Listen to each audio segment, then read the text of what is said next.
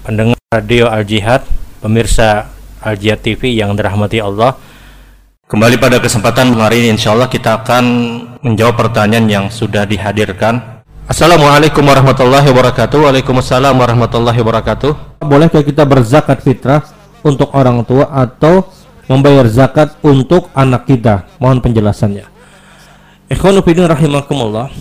Zakat diharamkan untuk dibayar kepada kedua orang tua baik zakat mal ataupun zakat fitrah. Mohon maaf orang tua yang miskin tidak boleh dia menerima zakat dari anaknya.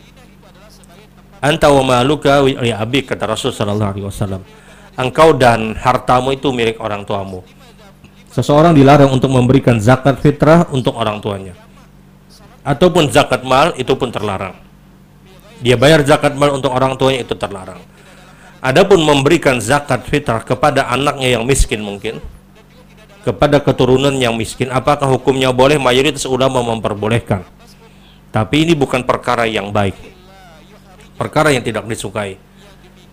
Memberikan zakat mal misalnya untuk anaknya yang miskin apakah boleh? Secara hukum itu memang boleh namun ini bukan perkara yang baik. Bukan perkara yang baik. Yang terlarang hanya memberikan zakat kepada orang tua. Memberikan zakat kepada orang tua. Sisanya kerabat-kerabat itu hukumnya boleh. Tapi untuk memberikan kepada anak maka hukumnya boleh namun bukan perkara yang disukai. Kita tahu zakat adalah kotoran dari harta-harta kita yang harus kita bersihkan.